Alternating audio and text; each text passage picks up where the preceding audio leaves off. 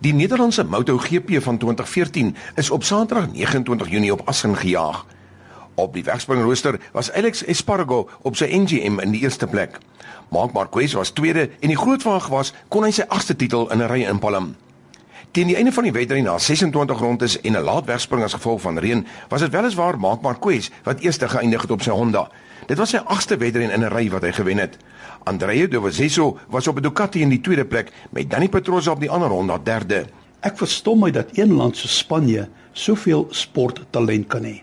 Hulle het die nommer 1 tennisspeler, baie goeie golfers, twee motorfietskampioene, een Formule 1 kampioen en hulle was die verdedigende sokker wêreldkampioene. En toe breek die 2014 sokker wêreldbeker aan en Spanje, die wêreldkampioene, kry een van die grootste pakslae in die geskiedenis van die wêreldbeker. O aarde, kan jy dit glo? Hulle kan nie eens deurdring na die tweede ronde. Die wêreldkampioene word sommer in die eerste ronde uitgeskakel. Nou ja, jy en ek weet, dis maar hoe die lewe is. Eendag is jy bo, alles loop net goed, maar so vinnig kan dinge ook verander en dit voel of jy alles verloor het. In 1 Korintië 13 sê Paulus, daar is 'n klomp goed wat verby sal gaan. Sal verander, Maar dan sê hy in die 13de vers, daar is 3 dinge wat nooit sal vergaan, altyd sal bly, naamlik geloof, hoop, liefde. So, wat is jou doelwitte? Waarna streef jy in die lewe?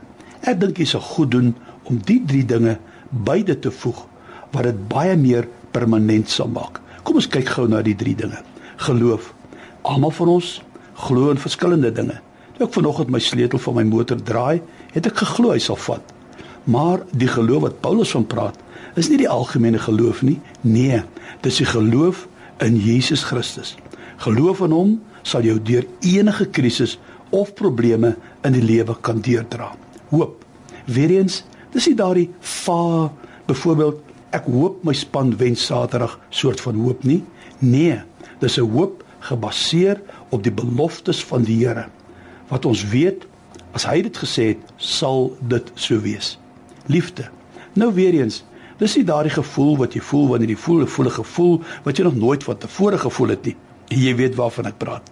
Nee, Paulus praat van die onfeilbare groot liefde van God. Kyk wat sê Jesaja 54 vers 10.